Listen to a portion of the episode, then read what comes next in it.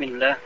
إن الحمد لله نحمده ونستعينه ونستغفره ونعوذ بالله من شرور أنفسنا ومن سيئات أعمالنا. من يهده الله فلا مضل له ومن يضلل فلا هادي له. وأشهد أن لا إله إلا الله وحده لا شريك له. وأشهد أن محمدا عبده وحبيبه ورسوله. أرسله الله بالحق بشيرا ونذيرا بين يدي الساعة. من يطع الله ورسوله من يطع الله ورسوله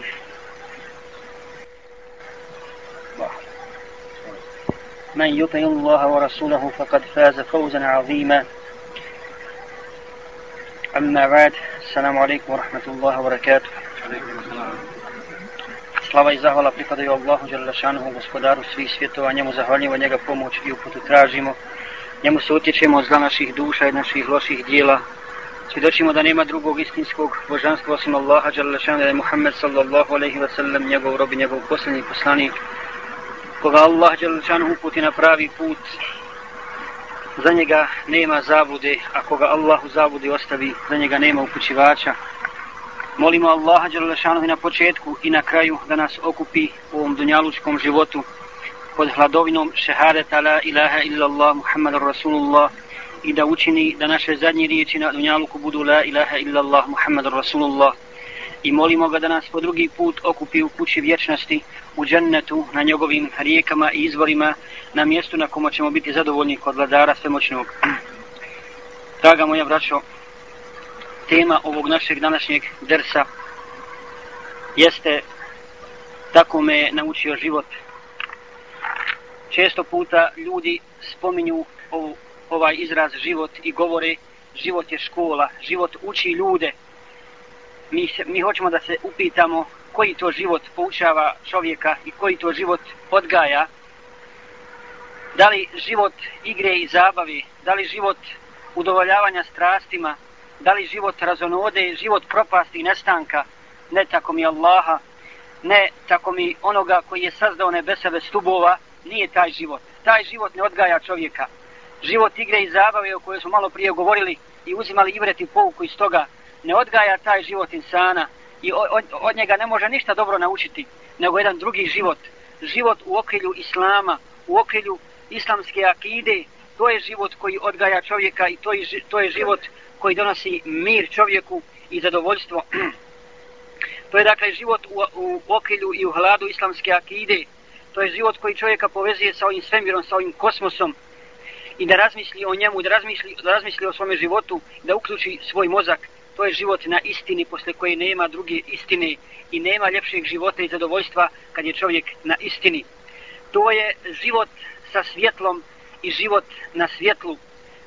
Mu'min koji je upoznao Allaha Đalešanuhu, koji je spoznao svoga gospodara i koji samo njemu robuje, živi vallahi sa svjetlom i živi na svjetlu i umire sa svjetlom i srešće svoga gospodara na sudnjem danu sa svjetlom kaže uzvišeni nuru na ala nuru jehdi Allahu li nurihi man yasha. Svjetlo na svjetlima a Allah svome svjetlu upućuje onoga koga on koga on hoće.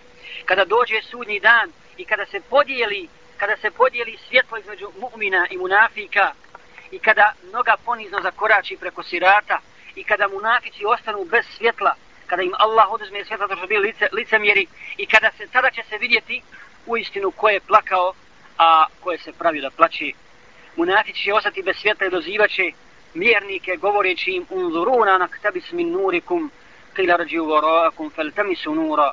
Govorit će oni koji su isto tako klanjali i postili i davali zekat ali su bili liceveni prema Allahu Đelešanu nisu bili nejakinu, nisu bili ubijeđeni u, u, u sudnji dan. I u posljednje Allaha Đelešanuhu, pa kaže sačekajte i nas da se posli, po, poslužimo vašim svjetlom. Zamislite ljude koji su s nama bili u safu ili koji Allah zna, ne do Allah da neko od nas bude, bude među takvima. Kada dođe sudnji dan, ti utrošio svoj život, e i vadetio, i ljudi te smatraju dobrim. Ljudi te smatraju dobrim i poštenim muslimanom. Pa dođeš na sudnji dan i Allah ti oduzme svjetlo, ne Neuzubilno. Onda kad ti je najpotrebnije, kad ti je najpotrebnije svjetlo da pređeš preko sirata, da pređeš džehennemsku provaliju i da uđeš u džennet siguran, siguran i spašen. Pa će reći, mi smo bili s vama. Zašto, zašto, uh, sačekajte nas kila rađu varakum fel temisu nura, kaj vratite se pa potražite, pa potražite drugo svjetlo. U tom stanju i tom trenutku, u tom trenu života na ahiratu, na sudnjem danu mu'mini će prelaziti sa svojim svjetlom sirat čupriju. Allah dželle šanehu kaže, jevme taral mu'minina wal mu'minati yas'a nuruhum bayna aydihim bi aymanihim." Kad vidiš mu'mine i mu'minke sa svojim svjetlom koje će biti s njihove desne i lijeve strane ispred njih i iza njih. La ilaha illallah. Musliman nije zadovoljan, vallahi, osim u blizini svoga gospodara, osim u milosti svoga gospodara Allaha Đalešanuhu i nije zadovoljan osim sa džennetom koji je širok koliko nebesa i zemlja i koji je pripremljen za bogobojazni. Kaže uzvišeni, evo men kane mejten fa ahjejnahu, وجعلنا له نورا يمشي في الناس كمن مثله في الظلمات ليس بخارج منها zar je isti onaj zar je onaj koga koji je bio mrtav Allah je se od onoga ko nije bio na, koji, koji je bio u džepu koji je bio u zavu naziva mejten mrtvačan Zar je, ist, o, zar je onaj koji je bio mrtav? Fahjejna. Pa ga mi oživjeli. Pa ga mi oživjeli i dali mu svjetlo s kojim on ide među, između ljudi. S kojim se on kreće kroz život. Kao onaj koji živi u tmini i nikad iz nje ne izlazi. Nikad iz te, nikad iz te tmine ne izlazi. Lej se bi horiđe minha tmina na, tmina na tminama vallahi nisu isti. Hiljadu puta, hiljadu puta nisu isti nisu isti tmina i svjetlo, nisu isti mrtav, mrtav i živ, nisu isti pametan i budala. Dakle, Allah Đalešanu obećava svjetlo i nagradu i život u okrilju i hladu akide Islama je škola i to kakva škola, braćo, limen ka, što kaže Allah Đalešanu, limen kana lehu kalbun, limen kana lehu kalbun, au alka sam'a huwa šahid, za onoga ko ima srce i koji ko čuje, ko razumije i ko je priseban, ko ima, ko ima pamet. Zato ga je islam zaista velika škola. Zato ćemo mi spomenuti neke stvari koje život mu'mina uči i koje je mene naučio život u hladu i okrilju islamske akide. Prvo, draga moja braćo, naučio me život u hladu islamske akide da je tevhidullah, da je tevhid centar oko kojeg se i osovina i srž života oko kojeg se sve ostalo okreće i centar nebeskih objava i osovina i srž ljudskog, ljudskog života. I vrijednost ljudskog života ne bi bila ni za, ne, ne može se zamisliti bez tevhida. Bez tevhida koji je centar svega. Zbog njega postoji, zbog njega postoji život. I zbog njega je Allah stvorio ljude, stvorio, stvorio robove. Dakle, to je centar. I nema veće sreće za čovjeka kad upozna taj tevhid i kad se nalazi u okrilju tog tevhida. Onda je on, njegov život živi, on živi život harmoničan, poput kosmosa i poput svih ostalih stvorenja. Sva stvorenja koje Allah stvorio, slavi svoga gospodara. I sve potvrđuje taj tevhid, subhanallah. Pogledaš nebesa, pogledaš planine, kaže gospodar, pogledajte nebesa deset ugova, pogledajte planine, pogledajte rijeke, pogledajte sva živa bića. Sve se pokorava gospodaru svjetova. I sve potvrđuje taj tevhid. I čovjek kad potvrđuje tevhid, dakle on živi u harmoniji sa svim ostalim stvorenjima.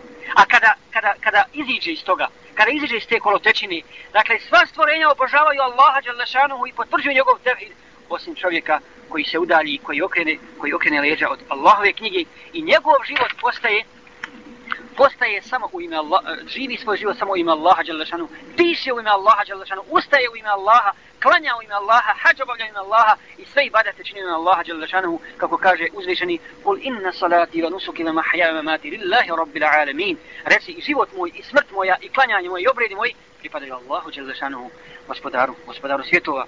Zbog, zbog toga je svrha i cilj ovoga svemira se podudara, dakle, sa svrhom i ciljem postanja čovjeka. Potvrđivanje tevhida Allahu Đalešanuhu i zahvaljivanje samo njemu.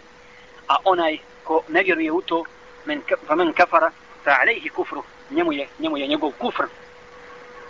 Dakle, to je pokornost, pokornost koja vrijedi za čovjeka i s koju će on naći, inša Allah, na sudnjem danu, a Allahu Đalešanuhu neće, neće nauditi ništa. Kaže, Resul sallallahu alaihi sallam u hadisu kucu, kaže, uzvišeni, o robovi moji, kada bi svi vi, kada i džini ljudi bili poput, naj, poput, poput srca najpobožnijeg čovjeka, ništa to ne bi povećalo moju moć, ni moju slavu, moju uzvišenost. I kada bi svi od vas i džini ljudi bili poput najpokvarenijeg čovjeka, poput srca najpokvarenijeg čovjeka, to ništa ne bi umanjilo moju, moju veličinu. Naučio me život, dakle, u okrilju islamske akide, da je tevhid prva i početna tačka u životu mu'mina. I da je tevhid, vallahi braćo, zadnja tačka zadnja tačka u, u životu mu'mina. I pogledajte ljude koji su bez tevhida. Srca imaju, ali su im zapečačena. Uši imaju, ali s njima ne čuju. Oči imaju, ali s njima ne vide. Vallahi, ne vide. i oni su na stepenu, najjednostavnije rečeno, na, na stepenu magarca, na stepenu životinje ili su još gori, kaže uzvišeni Ulaike kal anam bel hum adal. Oni su kao stoka, čak su još gori. Gori od stoke, jer stoka koju je Allah stvorio, radi i ponaša se onako kako je Allah Đalešanuhu naredio, drugačije ne može, ali čovjek izlazi iz svih okvira i on prkosi Allahu Đalešanuhu i onaj ko ne prihvati tevhid, vallahi njemu je džehennem, on se spasti nikada neće. Allah Đalešanuhu kaže, inna Allah la yugayiru an yushraka bihi wa yughayyiru ma duna dhalika liman yasha. Allah neće oprosti širk nikome, a oprosti manje od toga kome bude htio. I za njega je, za takvoga, za mušika je haram džennet i njemu je džehennem obećan. U suprotnom, ko postigne tevhid, postigao je veliko dobro. Postigao je vallahi dobro i dunjaluka i ahireta i njegova se doba prima, njegovi se grijesi opraštaju i njemu je, njemu je džennet obećan. Kaže uzvišeni, inna lalina amanu amilu salihati kanet lahum džennetu, džennetu firdausi nuzula. Oni koji budu radili dobro, vjerovali i radili dobra djela, njima je džennet firdaus pripremljen. Halidine fiha la jabguna naha hivala. U njemu će vječno ostati i neće traži da se promijeni. Neće tražiti nikakve promjene.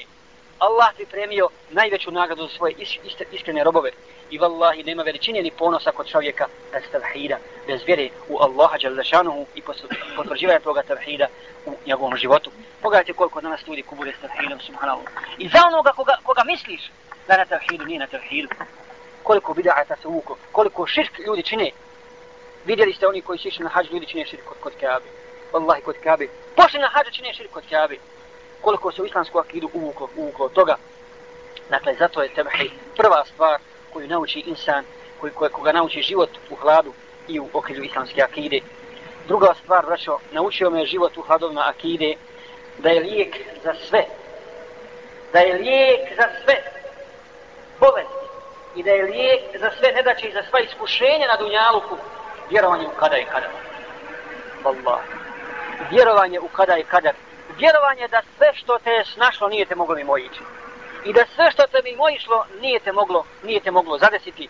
Vjerovanje da ako ti Allah da sreću, da ti ona sigurno propisana i određena. Ako te Allah stavi na kušnju, da vjeruješ i da znaš da Allah ti na tobom i da on zna tvoje stanje i da te on stavio na kušnju. I da će te ako, sabur, ako budeš saburli, da, će te, da, će, da te čeka zbog toga velika nagrada. Dakle, čudno je stanje mu'mina, njemu je uvijek dobro. Ako ga zadesi, ako ga zadesi sreća, on, on zahvalio Allahu dželle šanehu, a ako ga zadesi kako kakav bila iskušenje, on sabura, kaže Omer radijallahu ta'ala an. Kaže, šta me god od dvoje pogodi, ja sam zadovoljan. Ili bogatstvo ili siromaštvo. Subhanallah. Pogledaj. Šta me god od ovog dvoje pogodi, meni je sasvim sve jedno. Ako me pogodi siromaštvo, ja saburam. Ako me pogodi bogatstvo, ja zahvaljujem Allahu dželle šanehu i i do, do, čekam, čekam od njega, od njega nagradu subhanallah, zato ljudi saburaju zbog toga u ime Allaha Đalešanuhu i njima će Allah oprostiti grijehe i za svako iskušenje koje su doživjeli na Dunjaluku, za svaku uvredu. I ako ga trnu vode, Allah će mu zbog toga, zbog toga oprostiti grijehe. I na sudnjemu danu, kada ne bude dvije od drugoga hlada osim Allahovog hlada, Allah Đalešanuhu će svoje iskrene robove pozvati i reći, pozvati i reći, udhulul džennata bila hisab. Ove ovakve, ove ovakve iskrene robove, uđite u džennet bez polaganja računa. Subhanallah bez polaganja računa. Kada bude najveća neizvjesnost, kada ljudi pod strahom budu čekali šta će se desiti s njima. Gdje će li u, džehen, u džennet ili u džehennem? Kad nema više drugog izlaza, kada se sunce spusti koliko pera iz ljudskih glava, Allah će iskrenim robovima reći uđite u džennet bez polaganja računa. A oni će reći ja Rabbana, ja Maulana, gospodaru naš i naš zaštitniče, zašto? Svi ljudi čekaju ispit, svi ljudi čekaju obračun, a nas uvodiš u džennet bez, bez, bez računa, bez obračuna. Pa će reći gospodar svjetova, vas sam obračunao na dunjalu. Vi ste obračunati na dunjalu, la ilaha. I da tako, i kaže tako mi moje uzvišenosti i veličine, ja vas neću obračunavati dva puta, niti će vas stići, stići bilo kakav ezijet i obračun dva puta. Jednom ste iskušani na dunjaluku i trpili ste u, u ime mene sve ono što ste trpili i ulazite u džennet bez polaganja računa. I kada vide ostali ljudi na sudnjem danu kako prolazi ta skupina, subhanallah, kako odlazi u džennet zadovoljna, sa svjetlom kojim je Allah podario, poželjet će oni koji budu čekali šta će se s njima desiti, da su im klještima meso čupali na dunjaluku, kad vidi koliko im je Allah nagradu pripremio ovima, ovim istinskim mu'mina, mu'minima. Takbir! Zato kaže Resul sallallahu alaihi sallam u hadisi kuciju, kaže uzvišeni melek, melekima, kad samo, pogledajte, kad Allah samo uzme dijete robu muslimanu, Pa pošalje meleke, a on najbolje zna šta njegov rob misli i šta je njegovom srcu. I pita meleke, šta kaže moj rob? Kaže, kako, šta, je, šta je rekao? Uzeli smo, uzeli smo plod njegovog srca. Allah uzao njegovo dijete. A to nije tako veliko iskušenje. Ali jeste čovjek voli djecu, djeta su fitna. Kaže, gospodaru, zahvaljujete. Kada obavijeste ga da sam mu sagradio, da mu je sagrađena kuća u džennetu, i, i ime joj je kuća, zahva, kuća zahvalnosti, kuća zahvali. Dakle, vjernik, vjernik nikad ne gubi. Zato Allah dželle šanehu kaže: "O beširi sabirina idha asabatuhum musibatun qalu inna lillahi wa inna ilayhi raji'un." Kaže obradujte one, obradujte one strpljive koji kada i kakav musibet zadesi kažu mi smo Allahovi i njemu se, njemu se vraćamo. Prošli su ljudi pored Jezida ibn Haruna koji je bio veliki pobožnjak i učen čovjek i imao je, kažu, najljepše oči u, u svojoj generaciji od ljudi s kojima on živio, a tada je bio slijep, oslijepio je. Pa su prošli ljudi pored njega, već je bio slijep. Pa su ga upitali, kud su otišle lijepe oči o Harune? Gdje su nestale, su ugasile se? A pogledajte šta odgovara, iskreni Allahov rob, onaj koji se samo Allaha boji, samo od njega, samo od njega nagradu čeka, kaže, otišle su sa suzama koje su prolivene na seđdi koje su prolivene na seđdi u ime Allaha Đalešanu. Dakle, tu su otišle i tu iskapale, iskapale oči i kada ja se nadam od Allaha da će mi Allah zamijeniti boljim u džennetu. Dakle, vaše vjerovanje u kada i kada je velika blagodat od Allaha Đalešanu i to je smiraj za dušu i to je, to je hladovina i to je spokoj i sigurnost i sigurna, sigurna dobit, dobit za mu'mine. Sabr jest, okus sabra jest gorak, ali je vallahi, vallahi nagrada za to velika. Dalje, naučio me život u okrilju islamske akide da kako radiš, tako će ti biti. Koliko daš i posudiš, toliko će ti se i vratiti. I kako posiješ i šta posiješ, to ćeš i požnjeti. Dakle, nagrada je srazmjerno, srazmjerno djelu. Sijanje je za dan žetve i ono što čovjek poslije sigurno će to požeti i sigurno će to naći. Primjer zato je, braćo, jedan čovjek koji je imao u, svoje, u svojom vlasništvu jednog roba, i naredio mu je došao, a ovaj njegov, njegov vlasnik je bio zolumčar veliki prema njemu i donio ovome robu za vrijeme sjetve, donio mu je pšenicu i rekao, evo posio mu pšenicu. Pa je rob umjesto pšenice posio ječam. I vlasnik nije dolazio, nije dolazio dok nije bilo za, za žetvu, žito.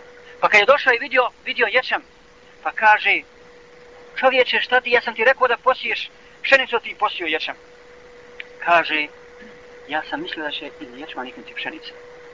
Pa kaže, ahmaku jedan, budalo jedna, zar se nadaš da se očekivo da će iz ječma niknuti pšenica? Kaže, o gospodaru, a zar se ti nadaš nagradi Allah, od Allaha Đelešanu? Zar se nadaš njegovom džennetu i oprostu, a ti zulumčar? I Allahu na seđdu ne padaš? Zar se nadaš da će ti Allah oprostiti grijehe, a nisi mu pokoran? Pa ga je iskritikovao, pa na kraju ovaj zapah koji kaže, oprosti mi, ja se utječim Allahu Đelešanuhu, molim ga da mi oprosti, ja i ti tražu od njega oprosta, Tražu od oprosta od Allahu Đelešanuhu. Dakle, pogledajte kako je pametni rob učinio da bi gospodara dobio. Šta posije što ćeš i požnjati? Ne možeš ti biti zulumčar, a očekivati džennet i očekivati nagradu od Allaha Đalešanuhu, da to kaže uzvišeni men amira saliham min zekarin au untha, wa huwa mu'minun, pa lanuhijennahu hajatan tajjiba.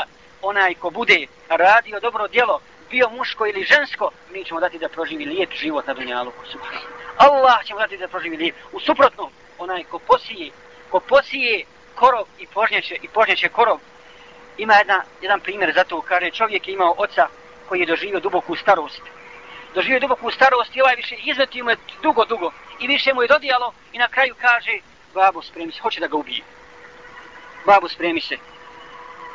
Kućeš me, kaže, vodim te kud ja znam i poveo ga do njega u pustinju ispustio ga i kaže šta ćeš sa mnom čovječe da uradiš? Što si me doveo ovdje u pustinju? Kaže, doveo sam da te ubijem, ne mogu više izdržati. Subhanallah, sin oca da ubije, da ga zakolje. Pa kaže, sine, zbog čega to? Kaj, ne mogu više, dodijelo mi. Ja sam ti toliko izmetio, radio, mislio sam da ćeš umrijeti, nikad umrijeti. Nego da te zakolje. Kaže, ako ćeš me zaklati, zakolj me kod onog kamena tamo. Kaj, sve jedno gdje ćeš te zaklati, ili kod kamena ili ovdje kaj nije svejedno. Ja sam kod onog kamena zaklao svoga oca. Ja sam kod onog kamena zaklao svoga oca, pa i ti mene tamo zakolje. Onaj kako ko radi, tako ga, tako ga Allah i nagrađuje. tako ga Allah i nagrađuje i Allah ne zaboravlja zlozulumčara. Naučio me život, braćo, u okrilju Islama, u okrilju islamske akide, da je najveća snaga, posle koje nema veće snage, istinska i čvrsta akida. Wallahi, posle toga nema snage. Skupina muslimana od 3000 ljudi poražava 200.000 mušrika. 200.000 mušrika. 3.000 ljudi naprem 200.000 mušrika. Čime su ih pobjedili. I vjernici su govorili, tako nam Allaha, mi sa njima ne možemo suprostaviti osim našom akidom. Halid ibn Velid u toj bici lomi devet, devet sablji i jemenski mač. I kad su ugledali mušike, kad su ugledali toliki broj, jedan od muslimana rekao je Halid ibn Velidu, ja Halid, gdje je izlaz? Enjel mefer, je li izlaz u bježanju ili u primirju? Pa je zaplakao Halid ibn Velid. Kaže, tako mi Allaha, niti je izlaz u bježanju, niti je izlaz u primirju, nego je utočište kod Allaha Đelešanuhu i sukao je svoju sablju i donio tekvir, veličao Allaha Đelešanuhu i muslimani su porazili, porazili tu skupinu i pomogli je Allah Đelešanuhu zbog njihove akide, zbog njihove vjere. Salahudin Ejubi, braćo. Salahudin Ejubi, poznati islamski vojskovođa, koji je porazio kršćane i osvojio kuc, došlo mu jednog dana pismo od Mesjidul Aksa. Od Mesjidul Aksa dobio pismo. Neko je napisao pismo i naslovio ga na Mesjidul Aksa i u pismu stoji o vladaru o vladaru, zar ćeš dozvoliti, zar ćeš dozvoliti da kršćani i židovi, da sinovi majmuna i svinja obešćaste mene, da oni haraju u kucu, svi su mešćini na zemlji čisti osim mene, a ja sam obešćašćen. Pa kada je pročitao to pismo, Salahudine Jubi je odmah naredio da se vojska mobilizira. Naredio da se mobilizira vojska i kad je postrojio vojsku, zabranio da se iko našali u toj vojsci. da se iko nasmije. Ne smije se iko nasmijeti. I krenula je ta vojska u ime Allaha Đalešanohu s bismillom i s tekbirom i osvojio je Salahudine Jubi. Salahudine Jubi je osvojio kuc i očistio ga od pašćadi, očistio ga od širka, očistio ga od mušrika. I posle Salahudina Jubije ponovo su pašćad uzela kuc. I pogledajte, zar taj kuc danas ne, ne doziva isto tako muslimane? Zar ne doziva Salahudine i Omere gdje je Omer našega doba i gdje je Salahudin našega vakta i gdje je uho da čuje i gdje je srce da se odazove tom pozivu kuca, ništa nego židovi. Židovi su ispjevali pjesmu i rekli su Muhammed je umro, naslijedile su ga žene. Naslijedile su ga žene i rade u kucu što niko živ ne radi, što muslimane ne može zamisliti. I sruši, pokušavaju da ga sruši i zamalo da im ne uspije, kažu, kažu učenjaci, kada bi avion naletio iznad kuca, iznad džamije, mesil Aksa, i kada bi probio zvu, onaj, onaj zvučni zid, oborio bi se mesečit. Toliko su potkopali, potkopali podmići. I snimaju snage da stave sliku krmeta i napišu ispod ono što su napisali prokleo i Ali nema, nema Salahudina i nema istinskih mu'mina da, da se odazovu na poziv, na poziv tog mesčida pa da ga oslobode. Šta mislite, braćo? Neki ovakvo stanje, neki ovakav hal, neka i Medina, dva mesčida, dva harama u našim rukama, da je kuc u našim rukama, makar bilo ovakvo stanje. Wallahi, koliko bi bilo vaše. Koliko bi muslimani bili ponosni da je još kuc u našim rukama, da nije u rukama, u rukama židova. Spomenut ćemo slučaj, braće, isto tako jednog muslimanskog hrabrog mladića Arslana. Hrabri mladić i vjernik u Allaha Đelešanohu se vraćao iz jedne od bitaka protiv kršćana i želio da se priključi ostatku muslimanske vojske u Humsu. Pa je to čuo Rumanis, kršćanski imperator, čuo je da se on vraća sa 15, samo sa 15.000 vojnika iz bitke, umorni, e, slomljeni, iscrpljeni, i on naređe mobilizaciju kršćana, mobilizaciju da napadnu ovog mladića, ovog hrabrog islamskog vojskovođu, i mobilizira 600.000 vojnika. 600.000 vojnika. I čuje zato Arslan i razmišljao je šta da uradi. Da li da 15.000 iscrpljenih vojnika sukobi sa 600.000? sa 600.000 neprijatelja, koji u svojim srcima nisu imali ništa osim kufra, prazna ko, koruševine. Koruševine njima, ali imaju, zanijeli se svojim brojem, ima i puno.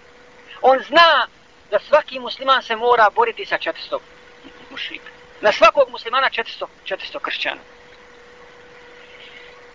Pa je ušao, razmišljao i posle toga je ušao u svoj šator.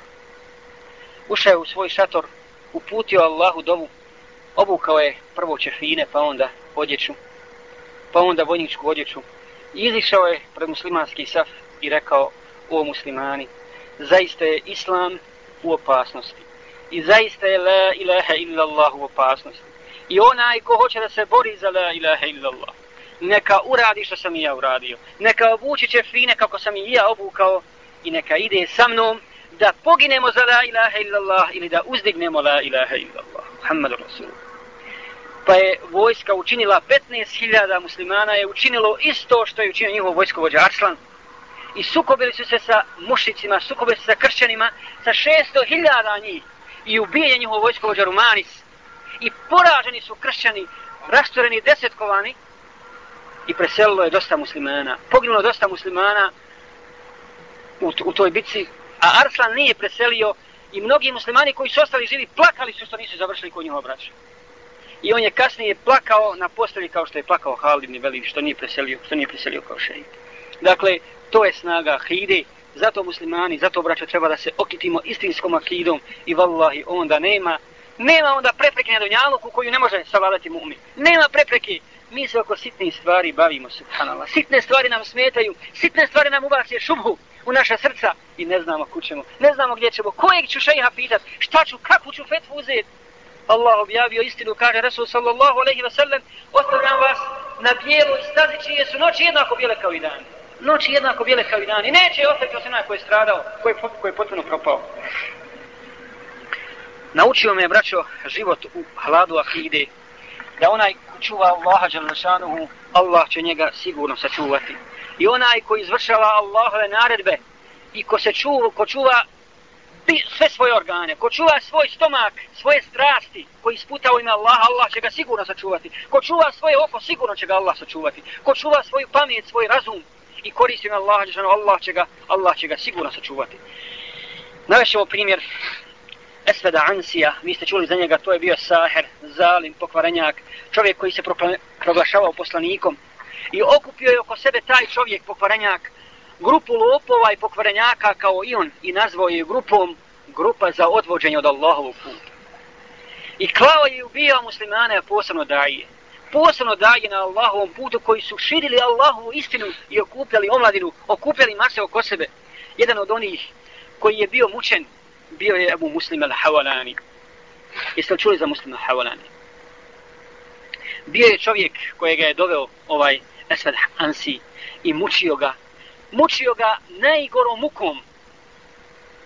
Njegovo tijelo je bilo sve izmrcvareno, ali on mu je rekao isto što su rekli sihrbaci koji su primili islam u vrijeme Musa i Selama, čini šta hoćeš, to možeš samo u životu na ovome svijetu. Pa je se ražalo, kaj ja se uzdam u Allaha Đelešanuhu, a tvoja kazna, tvoja kazna za mene ništa ne vrijedi.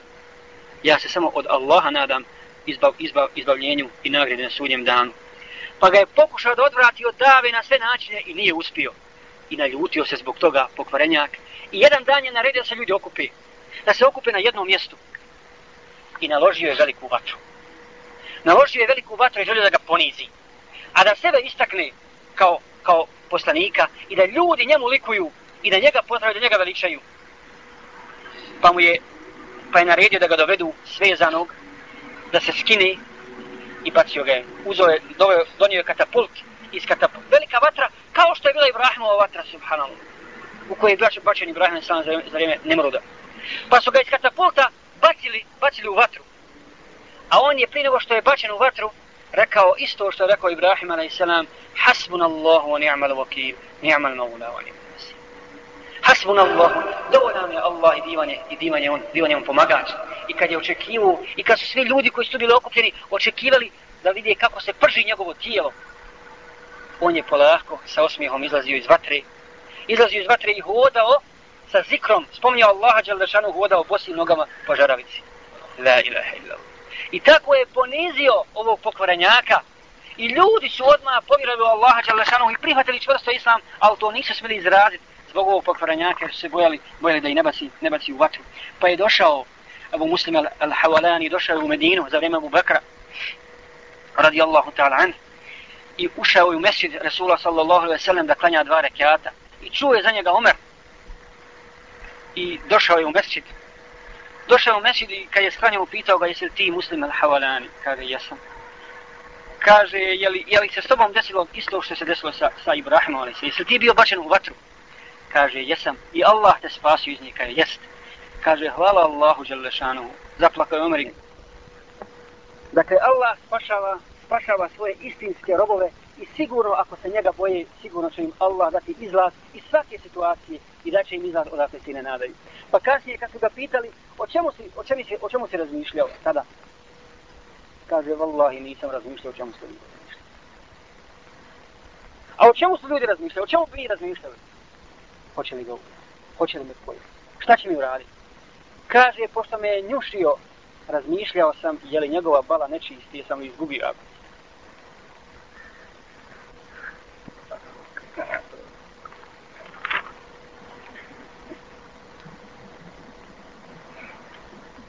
Naučio me život u okrilju islama, u okrilju akide, braćo da nasilje i nepravda pogađaju one koji čine nasilje i nepravdi, da se njima vraćaju i da se vjernici zbog toga ne trebaju bojati.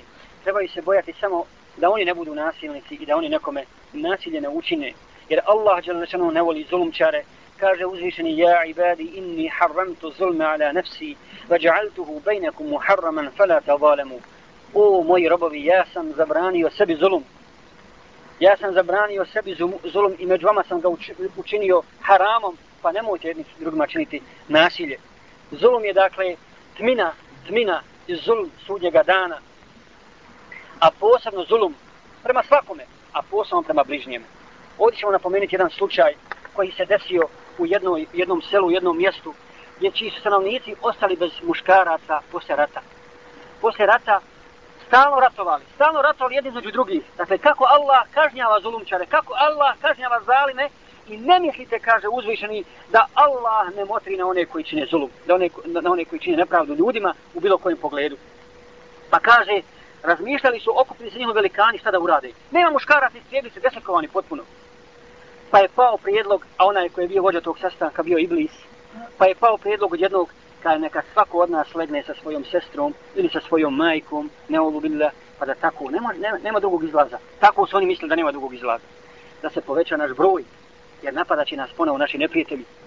Pa su se vratili kućama i jedni su to učinili, a drugi nisu, ali su bili zadovoljni s tim. A onaj koji je zadovoljan sa zlom, on je kao i onaj koji, koji, koji počini to zlo. Pa su to učinili, pa je Allah Đalešanuhu poslao kaznu. Poslao im je mrave, koji su ih ujedali i ne bi odmah umirali, nego ne bi umrli dok se ne bi potpuno osuši. Potpuno se tijelo osuši i onda samo padne i umre. Jedan čovjek, i tako su umirali stalno, jedan čovjek od njih se prepu, prepu za sebe i želio da se izvuče odavde. Želio da pobjegne iz te skupine, iz tog svog sela. I pokupio je bogatstva koliko je mogu. Pokupio je pokroj zlata što je pokroj sebra i jedan čup u jednu posudu i sakrio, nije to mogu podnijeti, ponijeti sve sa sobom, sakrio po jedan veliki kamen za kup. Pobjegne prema Mekke. I u Mekke je živio dugo vremena, kaže oko 20 godina je živio, i kasnije je našao jednog mladića povjerljivog. Nije ti on da, da ode u to, u to svoje selo. A u selu nije osnovno jedan muškarac, samo ženska bija. Samo ženski svijetost. Kaže, ima to i to selo, bil ti otišao da mi doneseš jednu stvar. Nije smio on otići, nego da on, da on mladić odi. Kaže, bi. A pošto je bio povjerljiv, znao da neće ništa dirati. I otišao je mladić i naćeš tu pod tim kamenom nedaleko, nedaleko od, od sela, ima jedna velika kamen, nema pored nje ništa drugo osim ta velika kamen, ne može zavutati. I naćeš tu stvar, i iskopaj i donesi mi. I otišao je mladić i iskopao je, bio je bojao se Allah, čanom, ništa nije dirao. Nije želio da vidi što je unutra. Nego je ponio, znao je da je zlato i srebro, znao je da, ne, da je nešto neka vrijednost i otišao je. Došao je u Meku i kad je donio ovome, evo, kad je sludirao, kad je nisam, vallahi dirno ništa i ovaj se obradovao. 20 godina čekao kad je otvorio mravi. Mravi. Mravi su navali na njega i ujedali ga i osušio se dok nije umro. Dakle, ne možeš pobjeći. Ne može zulum čar vallahi pobjeći od, od, od Allahove kazne, kaže uzvišeni vala tahsaban Allaha gaflan amma ja'malu zalimun. Ne misli da Allah ne motri na ono što rade, što rade zulumčari jedan od vladara muslimanskih Mu'tamid koji je bio namjesnik u jednom od gradova Emevijske, Emevijske dinastije. Pominje se slučaj sa njim da je neprijateljska vojska napala iznenada u noći i pobila i robila sve što je bilo. Njega zatvorili u zatvor. Onaj koji je bio namjesnik, koji je bio najbogatiji, sad postao najsiromašniji. I njegove šerke su hodale ulicom tako da nisu mogle pokriti svoja sina mjesta. Tako su bile siromašne, spale, spale na takav stepin. Pa je razmišljao zbog čega je to, pa mu je rekao njegov otac. Ja znam zbog čega je to. Ja znam zbog čega te Allah kaznio. Kaj zbog čega? Kaže zbog tvog jučerašnjeg zuluma prema miskinu koji je došao i traži to tebe. Prosi to tebe jedan dinar, nije imao ništa, pa mu nisi dao. Pa si ga odbio, a Allah ga poslao da te iskuša i vidi kako ti Allah oduzima vlast. Kaže, jes, tačno je to, to je zbog toga. Vi ste čuli možda za Hamzu Bisjunija, velikog mušrika, velikog zulumčara i kjafira, u Allaha Đalešanuhu koji je u ovom našem dobu bio i mučio muđahide u Egiptu. I kaže, kada bi i tuci, govori bi im, gdje vam je Allah, kad bi on bio, i, i on bio na vašem mjestu, ja bi i njega tuku. Toliki je zulumčar bio. Pa je Allah Đalešanuhu dao kada je izišao iz zatvora, vozio je auto i imao je udes, udes i kompletno je auto, kompletno željezo, jedna ona, ona, on, ono, prošlo je kroz njegovo tijelo. Kroz njega, nasadio se potpuno sam na željezo od, od drugog auta. I kaže, nisu mogli izvaditi željezo dok mu nisu kidali komad po komad mesa. Svega su ga iskomadali i tako ga u mrvicama, u mrvicama zakopali kao, kja, kao, kao kjafir. Naučio me život u hladu islamske akide, braćo, da je graditi i izgrađivati jako teško. Teško svakom teškoćom. A da je rušiti lahko svakom lahkoćom. Pogledajte koliko ljudi grade na Dunjaluku građevinu. Čovjek 70 ili 60 godina potroši za jednu svoju kuću. Čitav život uloži u nju. A sruši, nje, sruši se za trenog. Za minutu se sruši. I šta mislite kad imate jednog čovjeka koji ruši? I imate samo hiljedu građevina. Hoće li jedna ostati? Neće ni jedna ostati. A šta mislite kad imate hiljadu rušitelja i jednu građevinu? Kako će, kako će brzo nestati? Govorim o rušenju islama od strane kjafira, o rušenju kulture, o rušenju, o rušenju islamske atide, koliko kjafiri radi, rušitelji islama, koliko rade na rušenju islama, koliko rade na zaražavanju naših generacija, na uništavanju naših najboljih generacija, naše omladine, sa drogom, sa zinalukom, sa svim ostalim. A koliko je malo onih koji grade tu akidu, ali Allah Đalešanuhu, Allah Đalešanuhu obećao da će čuvati svoju istinu i istina je uzvišena, a laž je ponižena i prezena i laž će sigurno nestati, samo za tu istinu trebaju oni koji će je graditi i koji će se boriti za nju. Naučio me život u islamu i u hladovima ove akide da vjernik ne treba tugovati vallahi nikada i ne treba se brinuti za svoj život puno ako je istinski vjernik i ako je odan Allahu Đalešanuhu vjernik i vjernica nikada ne tuguju. Nikada ne tuguju zbog svoga života, zbog svoga stanja. Ne tuguju ni zbog, ni zbog, ni zbog dali. Njegovo je da radi. Često puta vraća govori, pa šta je, malo nas je. Kako ćemo, šta ćemo raditi? Pa nas fitna snađe, pa fitna žena, pa fitna posla, pa ne može se, pa ova, malo ljudi prilazi i tako dalje. Wallahi, vjernika nikad ne smije uhvatiti stavi. Nikada istinskog vjernika ne smije. Onako je shvatio istinu. Ako je priznao Allaha za gospodara, da ga baciš u pustinju pašće na noge. Da je sam, zna se snaći. I neće skrenuti, Wallahi neće skrenuti ako je, ako je istinski mu'min. Subhanallah, pogledajte Nuh alaihi salama. 950 godina, 950 godina poziva dan i noć, tajno i javno. Subhanallah, tajno i javno. I kaže, u najvjerodostojnijim predajama se prenosi da je 12 sljedbenika imao. U nekima se kaže 80 sljedbenika. 80 sljedbenika. Što znači da je svaki, ako po prvom bi ako bi uzeli, po prvom ako bi uzeli, da je 12 bilo sredbenika. Svaki 85 godina imao jednog sredbenika.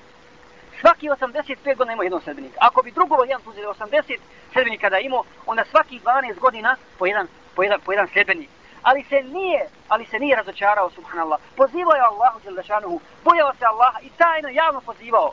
Jer je znao da je, da je Allah onaj koji upućuje, a tvoje je da pozivaš i vallahi se vraću, ne smijete razočarati. Ne smijemo se razočarati u Allahovu istinu, u pobjedu Allahove istine. Allah će sigurno da pobjedi Allahova istina, ali mi ne smijemo biti ti koji će izdati. Šta je korist ako sutra pobjedi Allahova istina? Ako sutra dođe islamska država, ako mi ne budemo učestvovali u izgradnji te države? Šta je korist napraviti građevina ako ja nisam jednu ciglu uložio, uložio u to? Dakle, nema nagrade za mene. Nema nagrade za mene. To se moramo bojati Allaha Đalešanuhu i uzeti primjere iz toga. Selo Antakija. Allah Đalešanuhu poslao dva poslanika. Pa i, pa i utjeravali u laž. Pa i nisu priznali. Pa i Allah Đalešanuhu poslao treći. Poslao trećeg, pojačao s trećim i opet nisu prihvatili istinu. Osim jednog čovjeka koji je izišao, izišao i kada vađa min aksal medinati ređulun jesa'a kale ja komi tebi ul.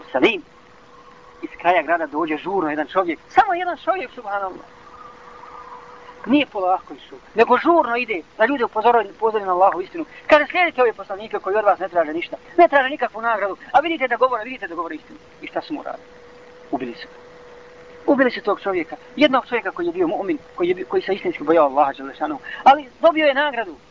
Pa kaže uzvišeni, قيل ادخلوا الجنة قال يا ليت قومي يعلمون بما غفر لي ربي وجعلني من المكرمين قال rečeno mu je uđi u džennet a šta je on rekao kad je ušao u džennet iako smo zulum učinili kaj da Bog do moj narod zna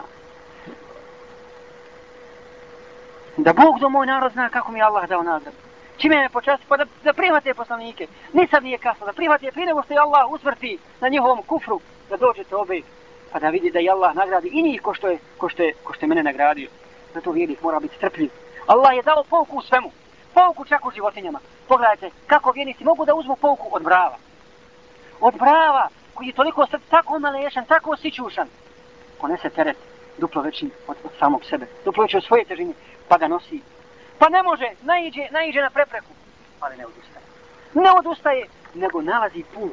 Nalazi, pa povlači, pa ide dok, dok ne uspije. Kaže uzvišeni, Ekala janzoruna ili bili kejfe hulikan. Zašto ne pogledate u deve kako su stvorene? Vere se naj kejfa rufi'at, vojel džibali kejfa nusibet, vojel radi kejfa sutihat. I u nebo kako je uzdignuto. I u brda kako su, kako su postavljena, kako su čvrsta. I u zemlju kako je postavljena. Kao da kaže, kaže jedan mu fesira, kao da hoće ka, da kaže uzvišeni, pogledajte u tebe kako su stvorene. Uzmite ibret od njihove strpljivosti. Nema saborljivije životinje od devi.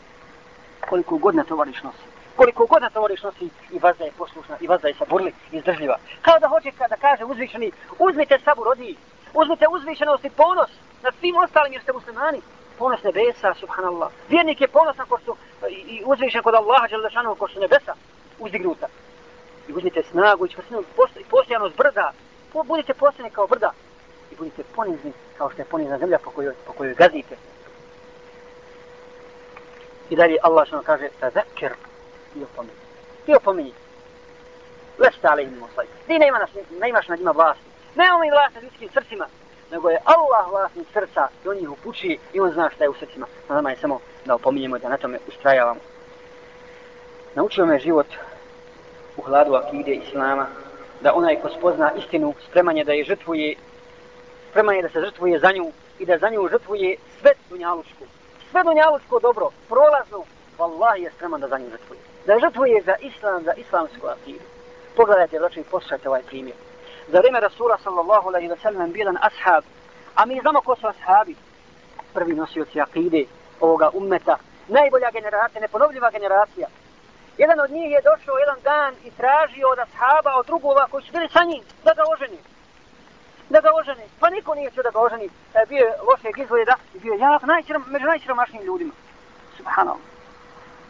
Pa je očeo Rasulu sallallahu alaihi wa sallam. I kaže mu, kaže, što si došao? Kaže, ja Rasulallah, je li istina, je li istina da su vjernicima obećane hurije? Kaže, ja. Subhanallah. Kaže, obećane hurije, subhanallah. Hurije Allah obećao da će Allah vjenčati vjernicima hurije. Pa kaže, zašto? Zašto ashabi odbije da, da, da oženi čeku svoju? Zašto odbije?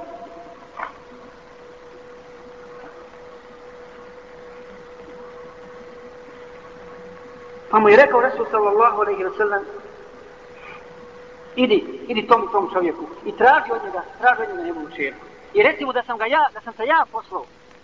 Pa je došao i puksa njegov vrata, kaže, što si došao? Kaže, šalje me Resul sallallahu alaihi zbog čega? Kaže, traži od tebe čerku. Hoćeš li mu je dati? Kaže, hoću vallahi, kako neću Resulu sallallahu alaihi sallam dati? Kada on je rekao da je meni, meni dadni, kaže, Allah mu stan. Allah mu stan, kako tebi? Kaže, zašto, subhanallah? Zašto meni neće da je dadni, hoćeš Resulu sallallahu alaihi? Pa je čula njegova čerka. Čula zato, on se dogovorio sa svojim ženom kada neće mu vidjeti. Čula njegova čerka i kaže, babo, šta je to naredio Resul sallallahu alaihi sallam? Kaže da te udamo za tog čovjeka. Kaže, udaj me jer ono što naređuje Resul sallallahu alaihi sallam, u tome je, hajde, u tome je dobro. Pa je, pa je, pa je udo i vjenčao za tog čovjeka. vjenčao za toga ashaba po imenu Đulejbib. I tu noć kad je trebao da legne sa njom, dolazi glasnik, poziva u džihad. Čovjek koji je toliko tražio da se oženi, a nema veće fitne za čovjeka od sebe. Nema veće Pogledajte kako, vallahi, kod vraće moram priznati to sebi. Kod strast radi kad, hoće, kad čovjek hoće da se oženi. Strast radi, hoće da se, da se što, što prije desi. Ma doće nije bilo strast. Ali kad treba da se oženi, ma sad. Ma samo hoću večeras nikako da vraći. I kad je trebao sa njom da legne, dolazi glasnik. Pazite. Sad se ispituje, ima. Tražio si, evo dobio si. Dobio si, ali sad se pozivaš u džihad. Rekao si, zar ne Allah je obećao Hurije? E da vidimo ko je sad u prednosti. Ili je Hurija, ili ova dunjavučka žena. I odaziva se u džihad. Odaziva se u džihad, nije, nije legao sa svojom ženom. I poslije bitke Resul sallallahu alaihi ve sellem dolazi i traži, pit, pita ashave ko fali. Kaže, fali taj, taj, taj. Njega niko ne spominje. Ko fali taj, taj, taj. Njega niko ne spominje. Kad su treći put rekli fali, da, da nisu njega spomenuli, kaže, meni fali džulejbib. Meni fali džulejbib. I otišao je i našao ga je mrtvo, a pored njega sedam mušrika. Sedam mušrika leži mrtvo. Dakle, to je istina za koju se sve žrtvuje. Wallahi, svako dunjalučko dobro. Svako, I to su bili ashabi koji se, koji se zato, zato žrtvovali. Pogledajte, šejha Hamida, jedan od šejhova Šama, umro mu je stari brat, umro mu je stari brat pa je bio upitan jednog dana, ostala djeca i ostala žena. I zajedno živjeli sa njim u kući. Pogledajte što je iman i što je bogobojaznost, subhanallah. I kaže, zajedno živjeli sa njim u kući i ka, ka, nakon, nakon izvjesnog vremena odselila njegova nevjesta iz kući. Pa pita, pitali ga ljudi, kako živi tvoja snaha sa svojom djecom? Kaže, danas je odselila iz ove kuće. U drugi stan, u drugu kuću. I 12 godina ima, kaže, evo, prvi put je vidio. 12 godina žive zajedno, prvi je put vidio to kad je skroz vidio kako odlazi, kako odlazi iz te kuće. Dakle, nije nikad vidio, a pomagu, a radi. Dakle, to je bogobojaznost. To je bogobojaznost, to je istina zbog koje se sve dunjalučko, dunjalučko žrtvuje. Ashab Ebu Lubade, subhanallah, vraću, ovo su divni primjeri iz, koji, iz kojih moramo izvući povuke. Ashab Ebu Lubade se sporio sa, jednom, sa jednim siročetom oko jedne palme. Čija je, na čijoj strani palma? Je li, je li u mom palmoviku ili, ili, u njegu, ili u njegovu? I kaže, dotle je došlo da se morala izbati Resula sallallahu alaihi wa sallam. I pozvali su poslanika sallallahu alaihi wa sallam, on je presudio u korist, Lubade, o, o, u korist Lubade. I, a njegova presuda je ispravna, pravedna subhanallah. I dijete, siroče, se naljutilo. Naljutilo. Pa kaže Resul sallallahu alaihi wa sallam, iako je presudio u njegovu korist, kaj podajem, podaj djete tu palu. Kaže, neću, vallahi, kad nije zadovoljan sa svojim presudom. Ne dam. Ne dam mu kad nije zadovoljan sa svojim presudom. Pa je u tom društvu bio Ebu Dehda, drugi ashab. I kaže, pita Rasula sallallahu alaihi sallam, ja Rasulallah, da li ako ja otkupim tu palmu pa i radim tom siročitu, hoće li dobiti palmu ženi kada hoćeš palmu? Pa je došao ženi i svojoj djeci. A imao od palmovi kion.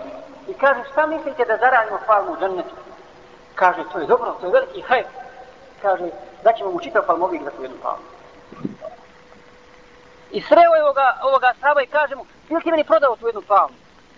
Da, i dadne, da ja poklonim od tom siročetu. Kada je bi i onaj kada je ko, ko se spori sa siročetom, kada je otvori tog nema ništa. Kada je to, nema ništa. Znači ti, pa kada eno ti sam moj palmovik, a daj mi, daj mi tu palmu da je poklonim. I poklonio je, i djeca su jela palme iz tog palmovika njegovu. I kad je otac saopštio da su dobili palmu u džennetu, kaže, bacili su iz usta, kaže, šta će nam ovo, dobili smo palmu u džennetu. Ali se ovaj ashab, Ebu Zahda, nije zadovoljio samo s jednom palmom u džennetu, nego je zatvoj svoj život za to. Pa na dan Uhuda, na dan Uhuda izišao, izišao i borio se protiv mušnika i bio je, i bio je ubijen i preselio je, i preselio je kao šehid. Pa je rekao Resul sallallahu alaihi wa sallam, Allah mu se smilovo koliko je samo palmi ovoga dana.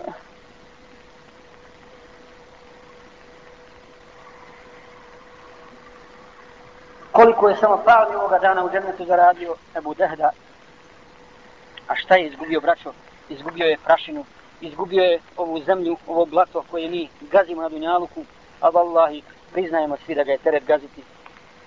I da je težak, i da je težak i zavodljiv i opasan. naučio me život u okrilju islama, u okrilju islamske akide, da vjernik ne smije pocijenjivati ništa, makar bilo i malo, samo ako je dobro i ako je u tome hajr. I na ovo moramo upozoriti, jer mnoga braća pocijenjuju određene sevabe i određene, određena dobra djela misleći da su mala. Međutim, sve što je dobro i sve što je hajr, i što se radi Allaha Đalešanuhu nije malo, jer kaže Rasul sallallahu alaihi sallam, čuvajte se vatre pa makar s pola hurme, makar s pola hurme, makar sa lijepom riječu, makar sa osmijehom svojom bratu i tako dalje. Naučio me život u hladu akide da uvijek imamo lijepo mišljenje o muslimanima i da im činimo dobro i pomažemo koliko god možemo. I to je osobina braća istinskih mu'mina. Spomenut ćemo samo slučaj, a ovome, vallahi, ovome treba da se zamislimo. Danas malo koji musliman ima istinski lijepo mišljenje o svojom bratu muslimanu. Kako šeitan ubacuje sumnju, kako šeitan ubacuje zlo u srca muslimana, pa jedni drugi ogovaraju, jedni drugi klevetaju, jedni od drugima loše misli, a klanjaju, a klanjaju u istome safu. Kaže Abu Ejub al-Ansari, nakon što se desio ifk potvora na Aishu radijallahu ta'ala anha, na majku svih mu'mina, i nakon što je Allah objavio ajet da je ona čista, dolazi svojoj ženi ummi, ummi Ejub. Ummu Ejub. I kaže joj, pogledajte, pogledajte brige i ljubomore za, za, za mu'mine. Kaže joj, ja ummu Ejub. Kaže da si ti bila, već Allah objavio ajet njenoj čistoći, da si ti bila na mjestu Aisha, bili pomislila da učiniš ono što se njoj pripisivalo. Kaže, ne bi vallaha ne bi vallahi ni pomislila to uradi. Kad je tako mi Allaha Aisha je bolja od tebe od svih žena na svijetu.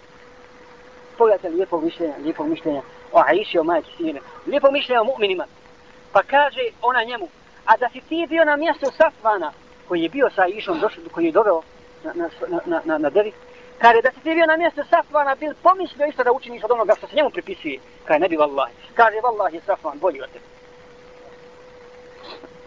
Dakle, to je lijepo mišljenje. A gdje smo mi od tog lijepog mišljenja o, brat, o bratu muslimanu? Da je stalno o njemu dobro misliš i da, da te šeitan ne, ne, ne navede ne do Allah, da pomisliš loša svome bratu i da posumnjaš u njegovu vrijednost i njegov iman.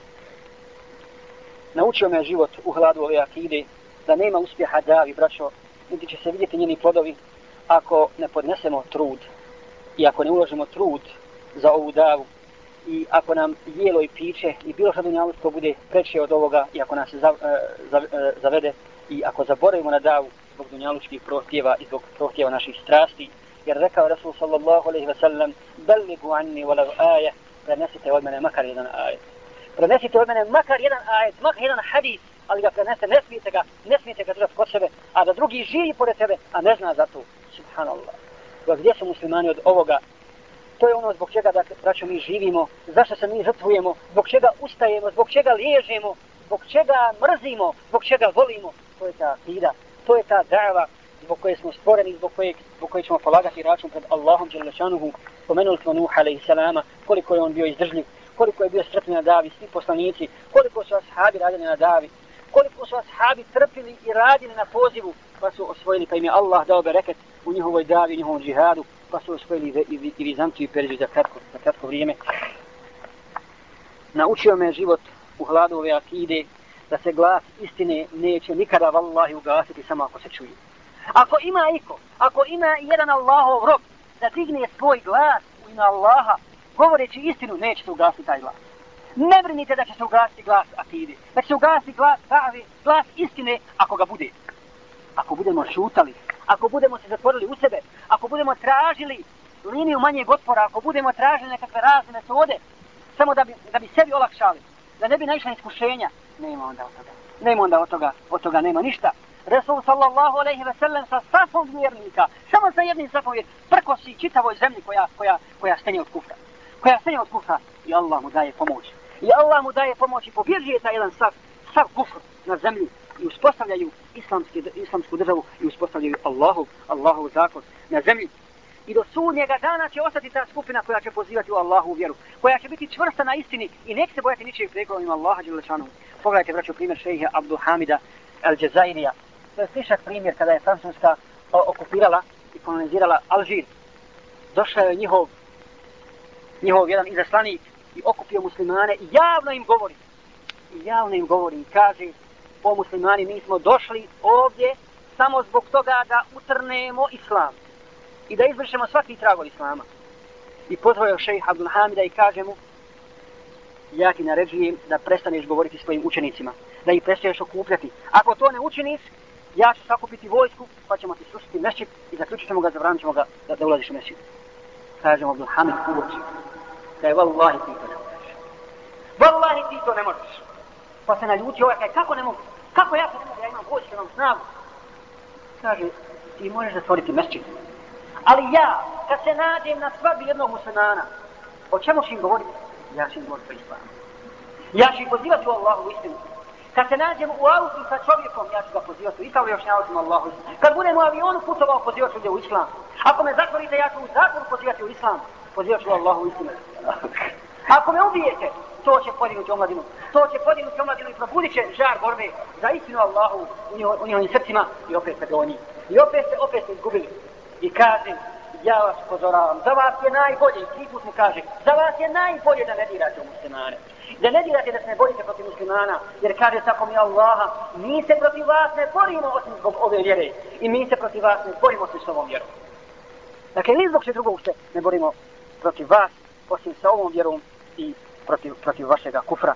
Dakle, neće se ugasiti glas istine ako on postoji i ako se on negdje. Allah će dati da pobjede istina naučio me život braća u okrilju ove akide, u okrilju u hladu akide Islama, da uznemiravanje i nanošenje nepravde ne pobjeđuje i ne poražava davu, vallahi nikada.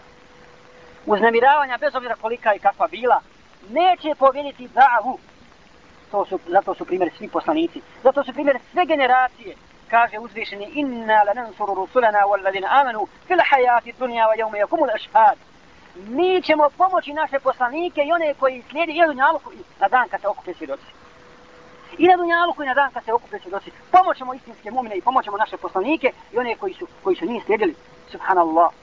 Primjer je zato braću Ebu Bekr al-Nablusi u vrijeme kada su Fatimije, proklete Fatimije, proklete, proklete Šije, Rafidije, vladali Egiptom, ostavili su namaz, borili se protiv, protiv muslimana, borili se protiv sunija, i zaklali su hiljade, na, hiljade alima. I pozvao je njihov vladar, njihov halifa Muiz Abu Bekra na Blusija i rekao mu Abu Bekra do mene je došla vijest da si ti rekao kada bi imao deset strelica jednu bi, e, deset bi strelica, devet bi ispalio na Rimljane a jednu na Fatimije. Je li istina tu? Pa nije. Ja, halifa je mislio da se poboja od njega kaj sad će se, sad će se vratiti pokajat će se Kaže, ne, vallah, ja sam rekao kada bi imao deset strelica, devet mi upuće na Fatimija, jednu na Rimljane. A jednu na Rimljane. Pa je se naljutio ovaj pas. Naljutio se i doveo je židova. Mučio ga najprije, udarao, udarao i kad nije mogao ništa, kad nije poklakao, doveo je židova da mu guli kožu na. Pred narodom koji je to gledao. A on je, on je, dok, je, dok mu je gulio kožu, on je imao Kur'an pred sobom i učio je Kur'an. Učio je Allahove ajete. I kaže gulio mu je kožu s glavi. I kada je došao do srca do ovog predjela do prsa više nije mogao.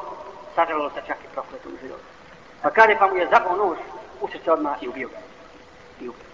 ali ubio je Ebu na bluzi a je li ubio hiljadu drugih Ebu Bakra? Gdje je akida Hasanatava Zumata do naših dana došla umro je Rasul sallallahu alaihi sallam ali je umro Islam Umrli su ashabi, ali umro islam. Umrli su tabinini, je umro islam. Umrle su mnoge generacije, ali nije umro islam i nije umrla ova akida. Zato vraća, ako mi ne budemo prenosili ovu akidu, ako mi ne budemo živjeli po islamu, ako se ne bojali Allaha djelašanuhu, neće biti oni koji će sutra pozivati generacije, koji će pozivati omladinu. Zato na Allahovom putu ne samo se bojati ničeg prijekora, Zna, moramo znati da je Allah iznad svega, da nas On prati, da On čuva svoje robove i da je On pripremio nagradu nagradu kakvu oko nije vidjelo ni uho čulo i kako čovjek ne može ni zamisliti. Molimo Allaha Đalešanu da nas uči sa njegovoj istini, da nas okupi oko Kur'ana i sunneta, da nam oprosti grijehe, da nas udruži u džennetu sa Rasulom s.a.v. i njegovima sahabima i onima koji su nas pretekli u dobru Amin. Jazakum Allah, subhanakallahu, hamdika, ašharam,